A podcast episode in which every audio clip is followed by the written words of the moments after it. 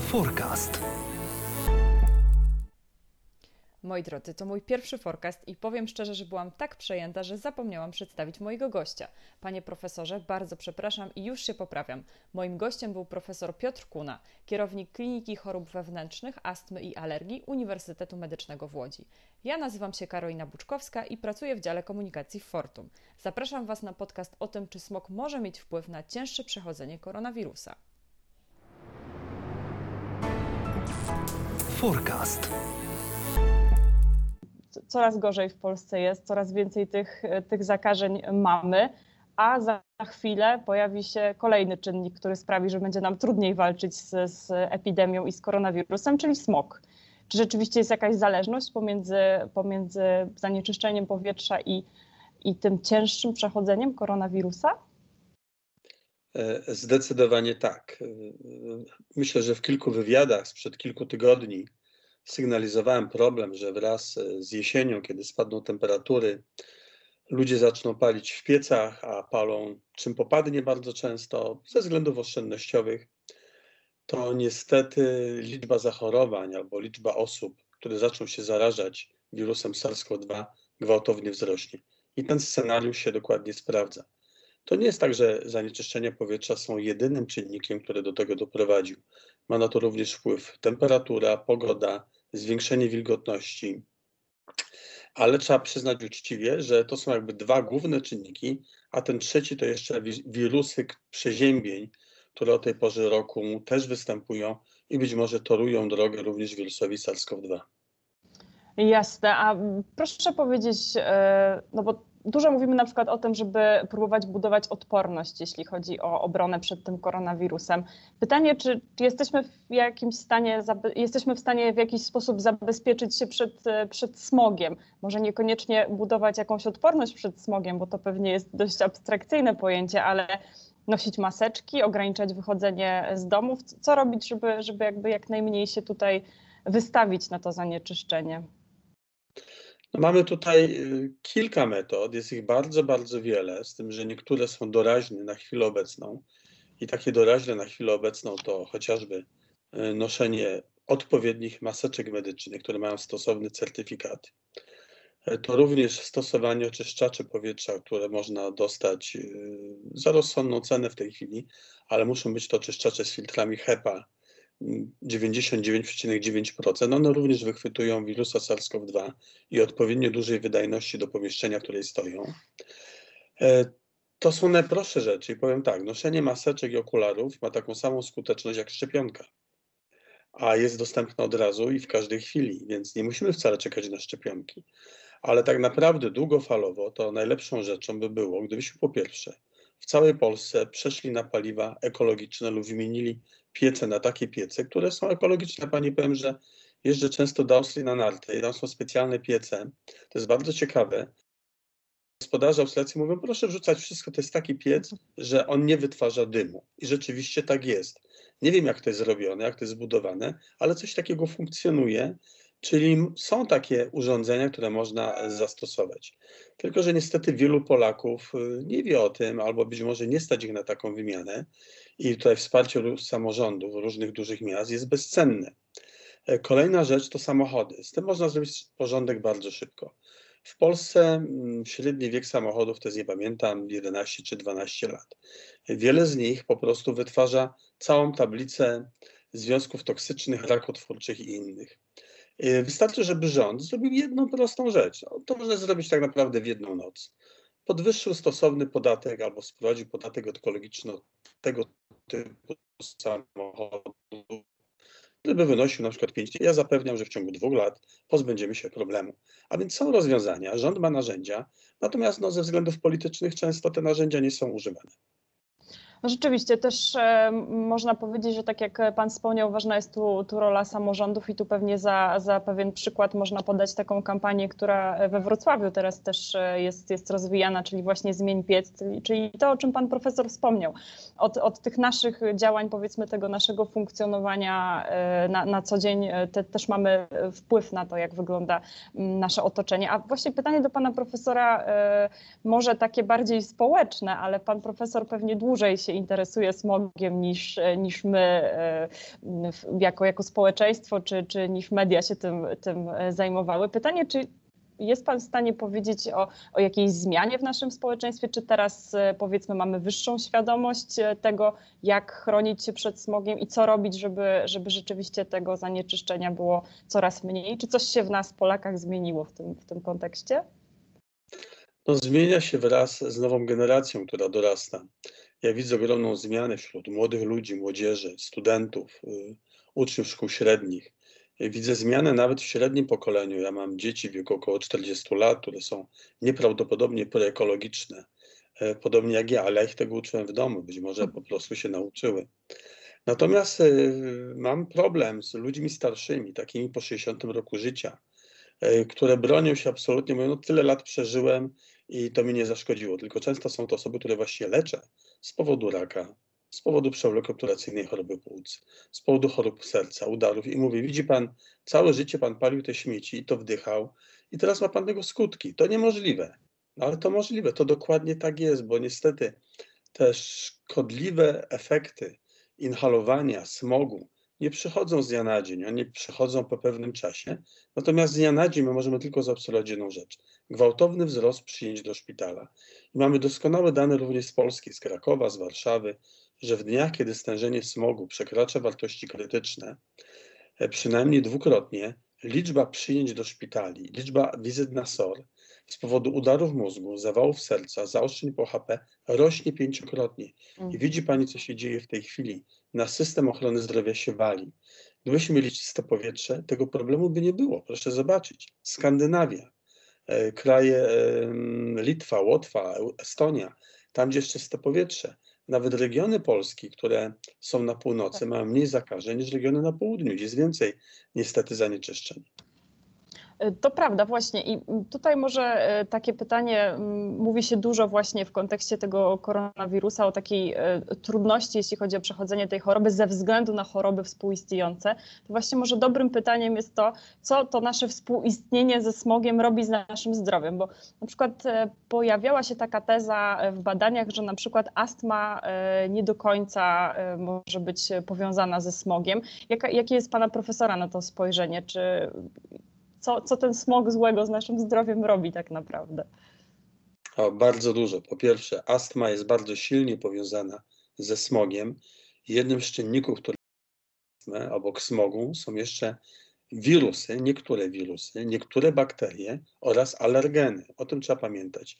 Jeżeli ktoś się urodził z odpowiednimi genami podatności na te czynniki, to na 100% będzie miał astmę. Natomiast co robi smog? Otóż robi wszystko. Smog w Polsce powoduje ponad 50 tysięcy przedwczesnych zgonów rocznie. Ja tylko przypomnę, że koronawirus do tej pory zabił około 5 tysięcy osób przedwcześnie, a tu mamy 50, 10 razy więcej. Proszę Państwa, to jest realne zagrożenie.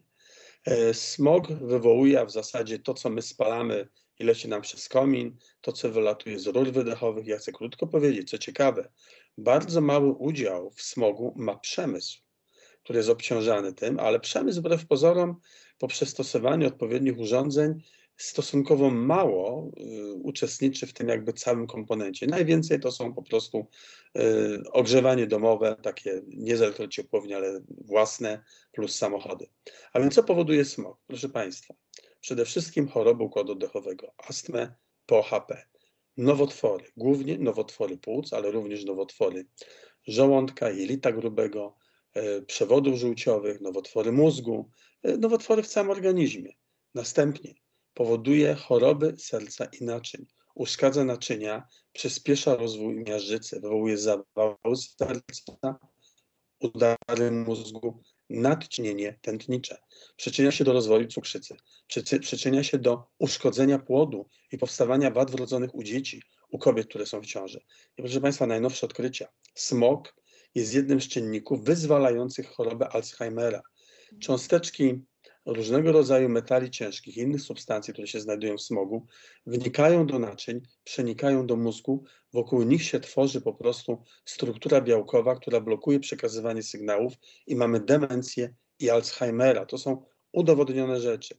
A więc można powiedzieć, każda choroba, jaką człowiek ma, łącznie z Alzheimerem, jest w jakiś sposób powiązana ze smogiem, ale szczególnie dotyczy to nowotworów i tej epidemii nowotworów, które mamy w Polsce. 100 tysięcy ludzi umrze na choroby nowotworowe w tym roku.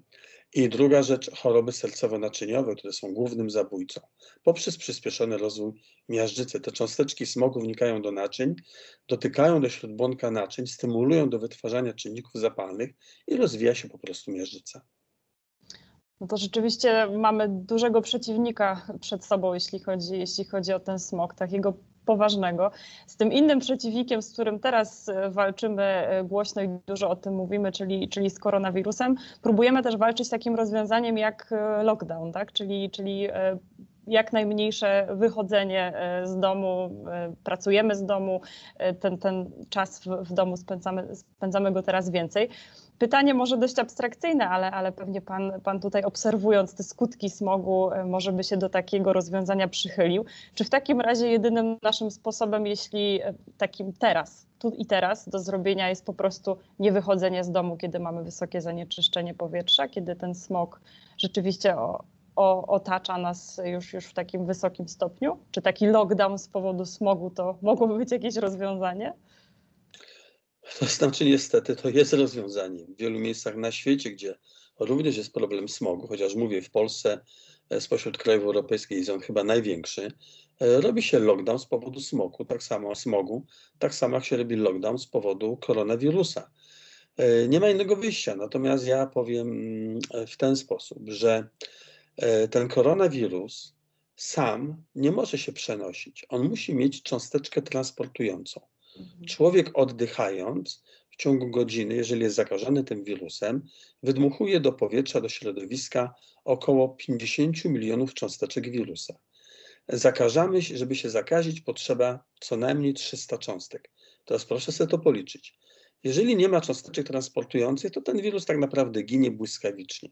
Ale jeżeli mamy w otoczeniu smog, cząsteczki smogu, one są bardzo małe, one mają często e, średnicę poniżej 2,5 mikrometra.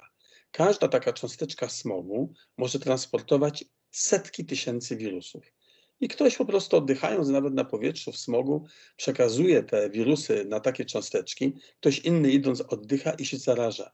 I dlatego mamy tak dużo rozsianych infekcji i nie można, że tak powiem, trafić na to, kto był tym nosicielem. Jedną z przyczyn roznoszenia po prostu infekcji jest smog brutalnie to trzeba powiedzieć.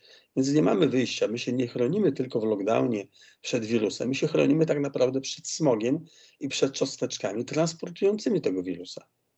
Jasne, czyli smog można powiedzieć nie tylko wpływa na to cięższe przechodzenie samej choroby, ale w ogóle na transmisję, tak? Można, można tak stwierdzić? Absolutnie. Mamy tutaj dwa elementy. Po pierwsze transmisja, po drugie cięższe przechodzenie. Powiedziałem, że smog wywołuje odpalny w drogach oddechowych i w naczyniach. Jeżeli na ten odczyn zapalny dołoży się jeszcze wirus, no to to jest po prostu dolanie oliwy do ognia, to jest wzmocnienie tego odczynu zapalnego i dlatego mamy tak ciężki przebieg. To samo jest u upalaczy papierosów, identycznie. Oni umierają 14 razy częściej, a więc to samo jest ze smogiem. Y, I widzieliśmy, że w Polsce latem było bardzo mało zachorowań. Niewiele się zmieniło tak naprawdę. I co się stało? Zrobiło się zimno, zrobił się smog i proszę Państwa, nagle liczba zachorowań no, wzrosła, bądźmy szczerzy, prawie stukrotnie. To prawda. Czyli może tak, żeby zakończyć chociaż jakimś pozytywnym czy takim motywującym e, akcentem, po pierwsze, musimy wprowadzać zmiany w takim codziennym życiu i też w infrastrukturze, tak jak pan profesor powiedział, czyli, e, czyli stawiać na, na właśnie e, albo nowoczesne piece, albo dołączanie gospodarstw domowych do, do sieci ciepłowniczych i, i w ten sposób próbować walczyć z tym, smog, z tym smogiem, powiedzmy, w większej, w dłuższej perspektywie. Natomiast teraz, tu i teraz, powiedzmy, na, na tę zimę, rozumiem, że naszą obroną są, są maseczki, jak, jak najmniejsze wychodzenie z domu i, i kontakty z innymi ludźmi. Czy czy coś jeszcze jesteśmy w stanie zrobić? To znaczy uzupełnię to. Na pewno noszenie maseczek. Wskazane jest noszenie okularów, takich zwykłych szklanych okularów. E, wskazany jest również wysiłek fizyczny, powiem, ale nie w miastach, gdzie mamy smog. Udowodniono, że jeżeli ktoś biega po ulicach miasta, e, to wdychając smog, ryzyko zawału serca rośnie pięć razy i nie ma żadnych korzyści z wysiłku fizycznego. Jeżeli mamy biegać, jeżeli mamy ćwiczyć, to róbmy to w miejscach, gdzie jest czyste powietrze. Wjedźmy gdzieś do lasu, pod jakieś duże miasto, idźmy do parku, gdzie nie ma zanieczyszczeń powietrza. A więc warto ćwiczyć, ale w czystym środowisku. Co jeszcze warto robić? Pamiętać o tym, żeby się wysypiać, żeby jeść dużo świeżych warzyw i owoców, żeby nie palić papierosów. No i również warto suplementować się witaminą D3, bo wykazano, że osoby ciężko przebiega, chorujące na COVID mają niedobór witaminy D3, a więc to nas może chroni nie tyle przed infekcją, ile przed ciężkim przebiegiem tej choroby. Rozumiem. No to w takim razie pozostaje nam chyba życzyć wszystkim e, zdrowia w tym, w tym nadchodzącym czasie, gdzie, gdzie jeszcze utrudni nam sytuację e, smog, który pewnie zaraz się pojawi. No i chyba wszystkim życzyć tego, żebyśmy jednak myśleli o tym smogu częściej niż, e, niż zimą i próbowali w jakiś sposób zmieniać to nasze otoczenie, prawda? Znaczy ja powiem, że musimy coś z tym zrobić i to musimy zrobić my. 80% sukcesu walki z infekcjami zależy od nas. A więc y, koronawirus to nie będzie ostatni wirus, jaki objął całą populację i tak nas wystraszył. Takich potencjalnych wirusów jest jeszcze kilka tysięcy. To się może zdarzyć w każdej chwili. A więc bądźmy mądrzejsi, mądrzejsi o to doświadczenie, które mamy i zacznijmy już dzisiaj zmieniać nasze środowisko i walczyć ze smogiem. Ale podkreślam, ogromna również rola rządu, który też powinien coś zrobić, chociażby opodatkować te wszystkie zanieczyszczające powietrze samochody. Bardzo panu profesorowi e, dziękuję. Mam nadzieję, że, że jakoś tutaj suchą stopą przejdziemy przez, przez, ten, przez ten smogowo-koronawirusowy e, świat. Na pewno gramy, ale ta wojna trochę potrwa. Szykujmy się co najmniej na kilka miesięcy walki. To nie będzie tak od razu. Bardzo dziękuję. Forecast.